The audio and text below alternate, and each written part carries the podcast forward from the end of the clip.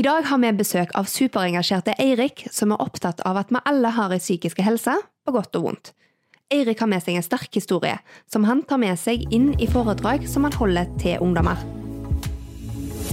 Eirik, Yes. tusen takk for at du ville komme, komme her til meg. Tusen takk for at jeg får lov å komme. Så stas. Jeg, jeg, jeg kjenner det kribler litt i Gjør magen. Ja, jeg Altså. Jeg har invitert deg av mange ulike grunner. Podkasten heter Raus, og for meg så er du en utrolig raus person. Du er engasjert, eh, og så har du masse baller i lufta, og masse viktige baller. Det er i hvert fall mange. Det er mange, ja, Ja. men og det er viktige ting du, du holder på med. Kan du fortelle litt sånn om, om deg sjøl? Altså, sånn, når du presenterer deg, hva presenterer du deg som da? Eh, Det spørs litt hvem jeg snakker med. eh, Men jeg heter jo Eirik Høie Mortensen eh, og er 25 år. Og har flytta hjem igjen til Haugesund etter 6-7 år vekke. Blir du her nå? Ja, jeg håper jo det. Ja, jeg har veldig lyst til det. Ja, det fordi jeg trives veldig godt i denne byen, og det Ja. føles trygt og godt å være hjemme i Haugesund. Hvor en har nettverk, en har kjennskap til altså bare veier. En bruker liksom ikke en time til og fra ting fordi en ikke helt kan veien. Så det føles godt å være hjemme. Men jeg er egentlig utdanna skuespiller, og så har jeg studert religionsvitenskap på Universitetet i Bergen. Nå holder jeg på med sykepleien, eh, men sånn per dags dato så er det litt lite skole og litt mye andre ting. Eh, jeg eh, jobber for meg sjøl, driver et enkeltmannsforetak hvor jeg reiser rundt og har foredrag om psykisk helse for og med ungdom. For selv om jeg er blitt 25, så eh, føler jeg meg som en ungdom. Og så reiser jeg rundt og har eh, foredrag på hovedsakelig ungdomsskoler og videregående skoler. Videre så har jeg tatt på meg oppdrag som konferansier og speaker. Eh, min mor sa at de satt en femøring i pratekassen eh, når jeg var liten, så det ser ut som en sånn evighetsmunn som bare går. Eh, men ellers så jobber jeg jo en del som produsent inn mot festivaler, konserter, arrangementer, og samarbeider mye med Scandic Maritim her i byen. Ja. Eh, I tillegg har jeg litt sånn styreverv. Sitter i nasjonalstyret i, i støttegruppen etter 22. juli, så der går det en del tid, da. Så ja, litt, eh, litt ymse. Men en god blanding. En god blanding. Jeg Ja. trives veldig godt med den blandingen. Ja, det ser, det sånn, altså det ser ut som det, eh, og du kler jo alle de her rollene veldig godt. Du nevner at du sitter i støttegruppa for 22. juli, og du har en sterk historie med deg. Eh, For eh, 22. juli 2011 så var du på Utøya. Heldigvis kom du derfra uten store fysiske skader, men eh, du har vært veldig åpen og delt i forhold til den psykiske belastningen. Kan du si litt om det, Erik? Hvordan det Nå sitter vi en del år etterpå. Hvordan, det har preget deg i, vei, altså veivalgene dine og, og det du driver med nå? Eh, Jeg var faktisk på Utøya i går eh, og hadde en omvisning for eh, en del sikkerhetseksperter fra hele Europa. Men da ble det spurt om hva gjorde jeg for meg sjøl for å komme meg videre rett etterpå. Og for meg så var det viktig å være Eirik, eh, og ikke være Utøya-Eirik. Eh, Jeg sa det til mamma og pappa, da vil jeg heller springe naken om Haraldsgata for at folk skal huske meg for det, framfor å stemple meg med Utøya. Det er klart, når en som 16-åring opplever den største terrorhendelsen på norsk jord siden kalde krigen, så gjør det noe med en. Eh, Men jeg hadde et voldsomt behov for å komme meg ut og gjøre ting, og følge drømmen min, som var å bli skuespiller. Og flytte til USA, New York, og få lov å være meg da, og dyrke mine interesser eh, for å kunne ivareta meg sjøl. Jeg hadde ikke lyst til å bli sittende hjemme. Dette er jo til tross for at alle psykologer, og mamma spesielt, var litt sånn skal du virkelig til New York helt alene som 18-åring? Men altså, om det ikke hadde gått, så hadde jeg flytta hjem igjen. Det gikk heldigvis veldig veldig bra, og det var med å Ja, det var en ny start for meg da, på mange måter. Eh, I en av verdens største byer hvor det er ingen som kjenner deg, ingen som vet hvem du er. Så Helt du- alene? Hei- ja, helt Ja. alene. Um, så var du jo bare en, en liten kar fra Norge. Um, og det var deilig. Ellers så har det vært viktig for meg å være åpen, som du nevner. For jeg tror på åpenhet og ærlighet rundt psykisk helse. Vi har jo alle i helsa. Jeg pleier å spørre eh, de skolene jeg besøker, eh, hvordan de vil definere psykisk helse. Fordi hvis jeg sparker deg i leggen, så får du vondt i leggen. Men hvis jeg sier noen stygge ord til deg, så vil det jo variere hvor vi kjenner det, og hvordan vi kjenner det, og om vi i det hele tatt kjenner det. Og det å få lov å snakke med folk om psykisk helse, for det er jo ikke bare negativt. Psykisk helse er jo positivt. Eh, Det er lov å være frisk, og det er lov å ha det bra. Absolutt. Så tenker jeg at det er viktig å, å snakke om tingene. eh, At det er ikke svart-hvitt. Det finnes veldig mange balanseganger og, og mange veier vi kan ta eh, når vi snakker om det. Det trenger ikke bare være negativt ladd. Men å ha opplevd en sånn traumatisk hendelse er klart det er noe som har preget livet mitt i stor, stor grad. Eh, Jeg hadde nok ikke tatt mange av de valgene som jeg har gjort, hvis ikke det var for det. Jeg er jo Hvordan tenker du da i forhold til ja, er det, For det høres jo virkelig ut som at du allikevel har stått og på en måte fulgt drømmen. Og det er jo fantastisk å høre. Eh, at en på en måte Nei, det, det skal jeg gjøre. Eh, dette skal jeg gjøre for meg sjøl. Det er jo det du sier ganske ja. klart. Men hvordan har det prega deg da i valgene, så du sier at det Nå studerer jeg jo sykepleien. Det er jo ja. en konsekvens av den hjelpen jeg fikk i ettertid. Eh, og da spesielt av en sykepleier når jeg var på sykehuset en gang. Hvor jeg kjente en nærhet og en medmenneskelighet fra helsepersonell som jeg aldri før har kjent. Det var noe som gjorde sterkt inntrykk på meg, og som jeg ønska å, å, kunne bringe videre til andre. Jeg hadde lyst til å være den personen som hun var for meg. Betydningen av, av det? Rett og slett. Ja. Uh, hun hadde en varme og en tilstedeværelse. Hun kom aldri inn og ble bare stående. Hun satte seg alltid på sengekanten. Konsekvent. Om klokka var seks på morgenen eller fire på ettermiddagen, så satte hun seg på sengekanten. Og så gjorde vi måte det med skoene, som det var å ta en blodprøve eller om det var å ta et blodtrykk. Men hun spurte alltid om jeg hadde sett en fotballkamp i det siste hun begynte å prate om hverdagslige ting. Eh, og det var en utrolig deilig følelse å få lov å uh, igjen da være Eirik, og ikke liksom pasient-Eirik, som jeg ja. Eh, da følte meg som. Og den uh, rausheten som hun ja. viste, for det, det, var egentlig sånn jeg oppfatta det, hadde jeg lyst til å gi til andre. Uh, om det er på et sykehjem, eller om det er på et akuttmottak eller en ambulanse, det for tid å vise, men den tilstedeværelsen og den varmen hun ga, samtidig som hun hadde en medisinsk trygghet i sin kunnskap med seg, var veldig, veldig, veldig fint. Så fantastisk at det møtet med henne gjør at en på en måte velger at nå vil, dette vil jeg gi videre til noen andre. Og det tror jeg kanskje vi glemmer litt sånn ut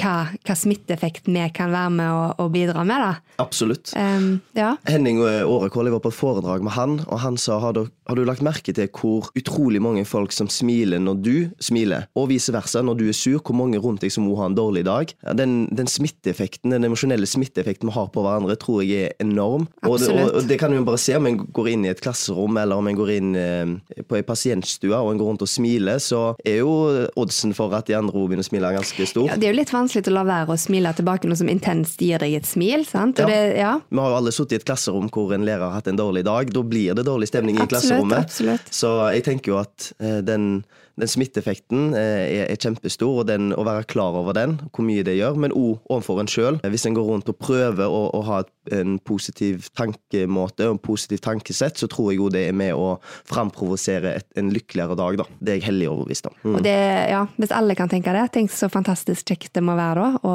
være ute i denne store verden. Men en, en skal jo stikke fingeren i jorda og si at det er jo ikke bare positivt alltid. Så jeg må jo på en måte være realistisk Absolutt, den veien ja, Og jeg tror det er viktig å, å, tørre å anerkjenne at ikke hver dag er bra. Mm. Um, og vi våkner opp om morgenen, vi har jo alle noen gode dager, noen dårlige dager. Forhåpentligvis er det litt flere gode enn dårlige.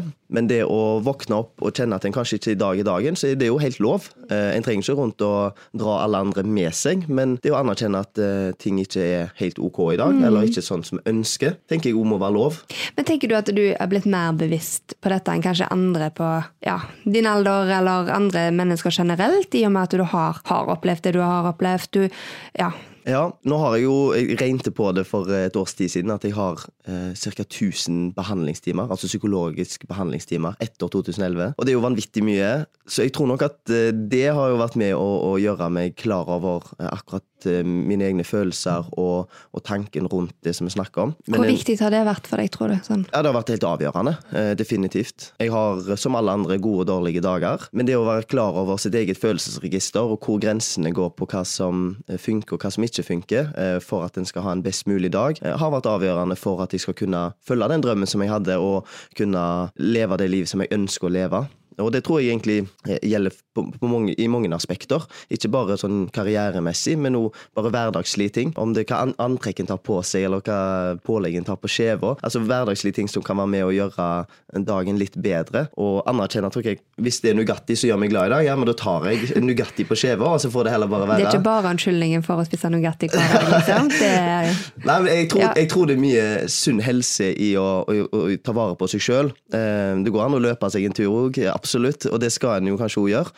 Men jeg tror det finnes mye sunn helse i å ta positive valg for seg sjøl, og kunne unne seg sjøl eh, gode ting i hverdagen. Ikke bare fokusere på det som når det er vanskelig, men kunne anerkjenne når ting er bra òg. Det tror jeg er vel så viktig. Absolutt. Jeg husker jeg diskuterte en gang med en, eller snakket med en om dette med hva som gir en noe. Altså Hvis en har en sånn som du sier, drittdag, og han snakket om at da var liksom jogging det var liksom det som hjalp han. Så ble han pokker, jeg skulle ønske at det var meg òg, for helt ærlig, hvis jeg altså skikkelig drittdag, så er det smågodt som hjelper. eh, og kontrasten der er jo liksom eh, Det er kjipt. Ja. Um, men, men det er jo redningen, og det er Ja. Så nå fikk, nå fikk jeg liksom det konstatert. Ja. Eh, Takk, Erik. Ja, bare Ikke bare dårlig unnskyldning, det er faktisk eh, Ja, det hjelper meg. Ja, men jeg, jeg, jeg tror virkelig på det, altså. Jeg mener jo ikke at en skal bli sittende og spise smågodt i ei uke. Ikke hver dag. Ikke hver dag, eh, og en skal kanskje heller ikke springe sammenhengende i uka. Men det å, å finne en balansegang um, om at ok, nå har jeg det kjipt. Eh, om jeg spiser denne plata med sjokolade, da får det bare være. Men etterpå ok, da skal jeg i hvert fall prøve ut å, gjøre noe produktivt for meg sjøl eller for andre. Uh, Det handler jo om bevissthet, Ja. uh, og det, det går jo veldig klart opp når du snakker, føler jeg. Altså det der med å være klar over det. Ja. Uh, ikke skyve noe vekk, men liksom, ok, nå er det sånt, og nå kan jeg kjenne på det sånt. Ja. ja. Og det hører, altså, Jeg syns jo det er vanskelig sjøl òg. Det er jo noe en jobber med hele tida. Og det er virkelig ingenting jeg tar for gitt. Men av og til er det jo deilig å finne en balanse mellom å alltid være klar over hvordan en har det, og unnskyld ordspråket, bare gi litt mer faen. Ja. Og bare slappe litt av. Og ikke nødvendigvis tenke at nå har det bare noe dårlig, men bare verre. Vi mannfolk får jo av og til kritikk for at vi kan gå inn i en sånn svart boks og ikke tenke på noen ting. Em, og det er jo litt deilig å ikke ha noen tanker, men bare være til stede. Være til stede. Ja. Det, dere får kritikk, det er helt klart. Ja. Eh, Og det er derfor vi damene må ha noen sånne klubber. For da kan vi få utløp for den kritikken. Men, men eh, jeg tror jo det handler litt om misunnelse. Det kjenner jeg i hvert fall for min del, så gjør det jo det. Jeg skulle virkelig ønske at en liksom Det må jo være fantastisk deilig og bra å kunne koble av og bare ja, la alt annet eh, For det, ting går seg jo til. Det går seg til. Om du tenker det i hele eller ikke.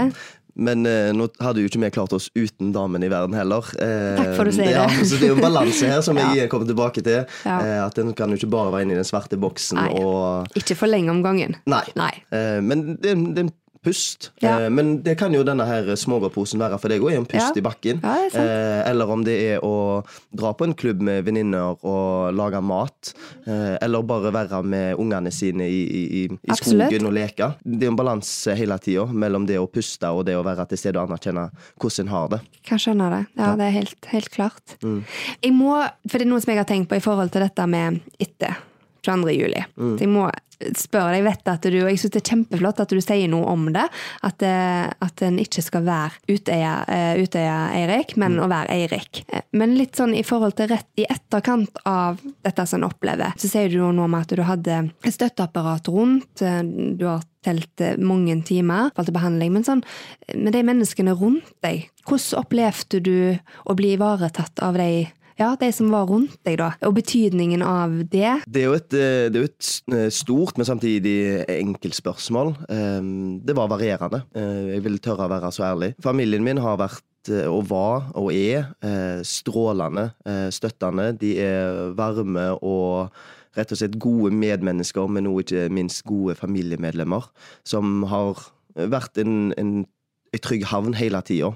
Det har eh, alltid vært åpen dør, det har, om det var for å ha det kjekt, eller om det var for å ha ei ei skulder å lene seg på. Men ikke minst vennene mine eh, har vært viktig. Eh, de sto i mye, har stått i mye.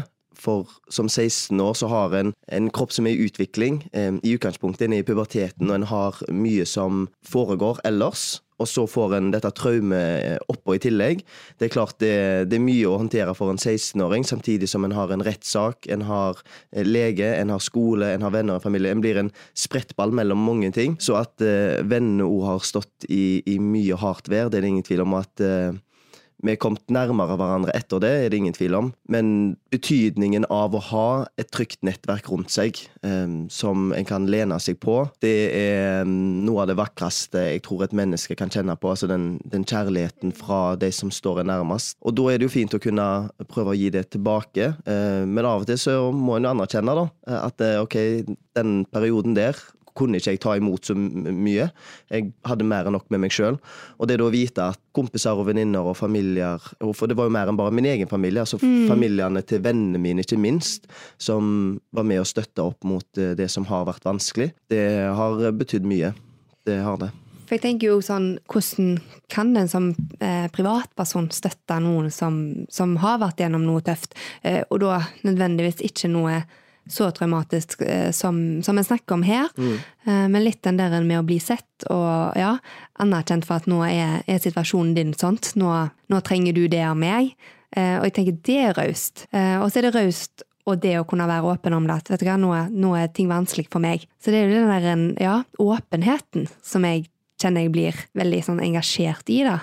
Jeg er helt enig, denne åpenheten er viktig. Det er også viktig for meg å understreke at min eh, Utøya-krise er ikke større enn noen andre sine kriser. Om kompisen min sine foreldre gikk fra hverandre, mm. så kan han det, oppleve det som en større krise enn min egen. For min krise er min, mm. og den er unik for meg, på samme måte som Per og Pia og sine kriser er unike for deres del. Så jeg vil ikke sammenligne det, og det er viktig for meg.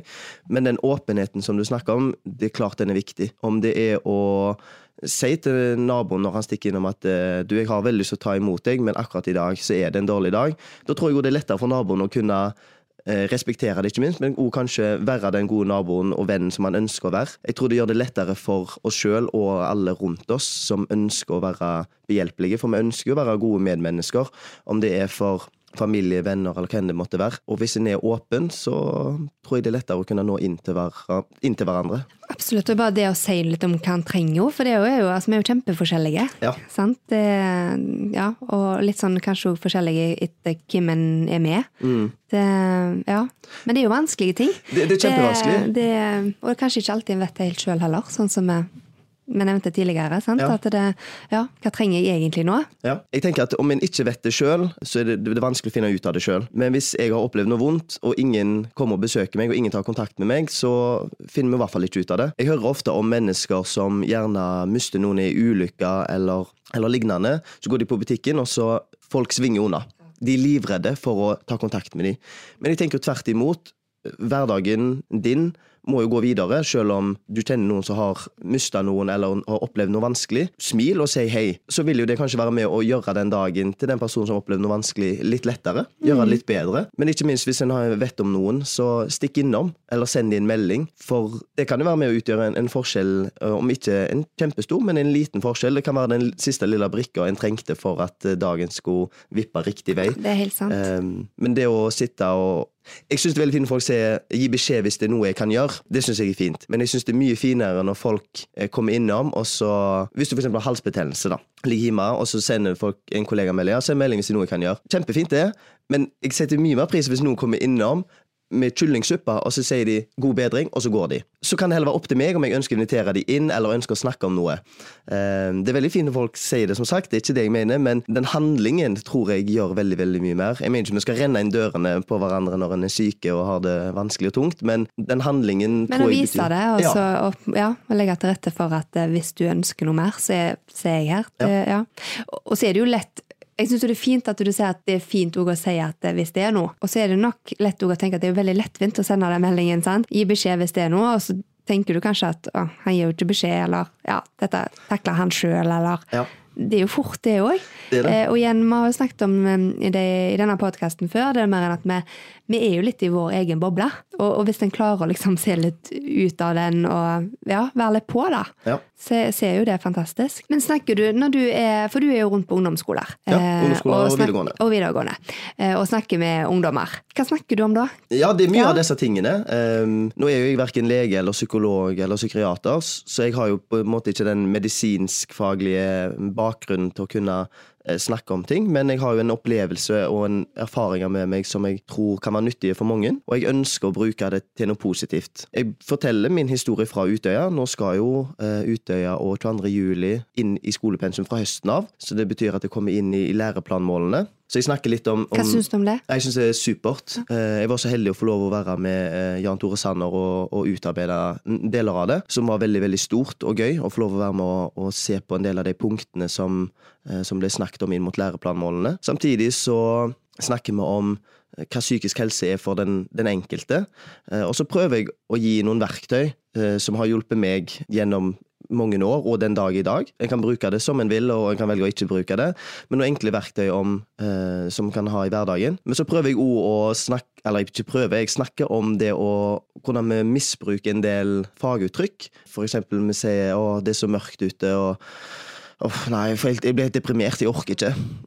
du blir ikke deprimert. Eller hvis Per gjør det slutt med Pia, og hun sier jo får helt angst av gutter.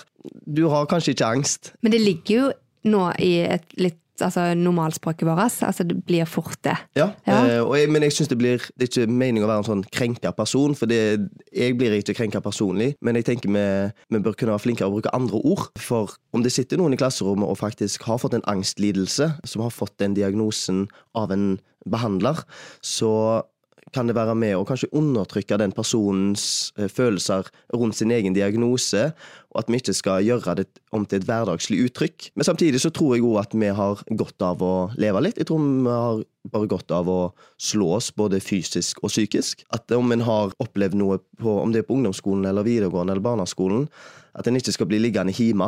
Men at den skal komme seg opp og ut. For det er først da du kjenner hvordan du egentlig har det. Vi kan jo kjenne på det når vi skal på jobb om morgenen. Det er veldig godt og varmt under den dyna, og hvis det regner og blåser ute, så er det klart, da har en lyst til å være hjemme. Men en må opp og ut. Og det sa en av mine psykologer til meg, at nå må du hver dag, uansett hvor dårlig du føler deg, skal du alltid reise deg.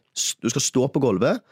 Og du skal stå der i sant, x antall sekunder. Og hvis du klarer det, så skal du gå videre inn på badet, skal du se deg selv i speilet. Så satt vi sånne delmål. da. Og det var med å, å hjelpe meg ut av senga når, i min tyngste periode i 2011-2012, hvor hverdagen var kjempetung. Bare det å stå opp var et ork. Men det å reise seg bare opp fra senga eh, var med å, å hjelpe. da. Så en del sånne verktøy som jeg har lært, og som har hjulpet meg, men samtidig Så deler du deg? Altså, du Ja. forteller, ja. Eh, Men samtidig så er det som sagt denne her prøve å prate litt om eh, hvordan vi snakker om psykisk helse. da. Eh, det tror jeg er viktig. At vi skal ikke gjøre det så skummelt. Det går an å bare anerkjenne medmennesker når du treffer dem i gangen. Se dem i øynene og smil. Det betyr kanskje ikke så mye for meg å gjøre det, men det kan bety vanvittig mye for den andre. Så um, vi vet ikke alltid hva, hvor stor effekt vi kan ha på andre, men da vil jeg i hvert fall tenke som så at da vil jeg gjøre det jeg kan for at noen andre kan få en god dag. Om det skal bare et smil til, så ja, Men så bra at en, en bevisstgjør på det, for det er jo noe med hvis en virkelig kjenner etter hvor mye det betyr. Altså det er jo bare sånn I dag når du kommer, kommer Eirik, så blir jeg jo kjempeglad av å se deg. Og det handler jo litt om hvor- hvordan du liksom bare kommer shinende inn gjennom døra. sant? Jo, men det er jo det. Eh, Og litt den der ja, smitteeffekten og, og sånn. Og hvis alle kjenner etter på det, så er det jo ja. Ja, jeg tror vi kan gjøre mye Ja. eh, med veldig lite. Det å være et godt menneske er vanskelig. Eh, det å tilfredsstille alle og seg sjøl til enhver tid er vanskelig. Men det å smile, la oss begynne der. La oss smile og puste, så, så tror jeg vi er langt på vei. Jeg, eh, jeg forteller i foredraget om eh, en sånn banal opplevelse jeg hadde når jeg var ute og flydde for en del år tilbake. For de sier jo når de har den sikkerhetsrutinen sin, at du skal ta på deg egen oksygenmaske før du skal ta på andre sin. Stemmer. Og så var det en gang, Jeg hadde jo hørt det 100 000 ganger, men så var det på den ene flyturen hvor det bare liksom gikk et lys opp i hodet på meg, hvor jeg tenkte herregud, dette er jo, dette er jo, det er jo helt genialt. Dette her, dette her må jeg jo bruke eh, når jeg prater med ungdommer eller med folk. For hvis jeg skal kunne ivareta andre, så må jeg jo først vite hvor jeg står sjøl, og jeg må ha det bra sjøl. I hvert fall når det kommer til litt sånn tyngre og, og tøffere ting. Så det å ta på seg den oksygenmaska før du hjelper andre, er et av de verktøyene. da. At hvis en setter seg ned med noen og spør hvordan går det, eh, så må en kanskje være forberedt på at eh, det kan komme ei hel skyllebøtte, eller det kan komme masse tårer og, og vonde ting opp. At en må være forberedt på det òg. Nei, ta på seg oksygenmaska før en hjelper andre. Og igjen, vær raus med deg sjøl. Ikke minst. Ja, det, det tenker jeg er et sånn kjempeviktig som jeg virkelig ønsker å få ut. Ja. Eh, Og jeg er utrolig glad for at du eh, har sittet og snakket med meg i dag med, om akkurat dette. Engasjementet ditt, fantastisk. Eh, Og jeg vet at vi kommer til å både høre mer og se mer av deg, og det er vi utrolig glad for. Tusen takk. Sjøl takk, og tusen takk for at jeg fikk komme. Det, mm, som sagt, det kribla i magen når du spurte, og når jeg våkna i dag, så tenkte jeg åh, skal jeg inn her? Eh, det er min første podkast, så jeg grugleder meg litt. Jeg visste ikke hva jeg skulle forvente av meg, men eh, det er veldig veldig kjekt å få lov å komme og, og snakke med deg. Så kjekt.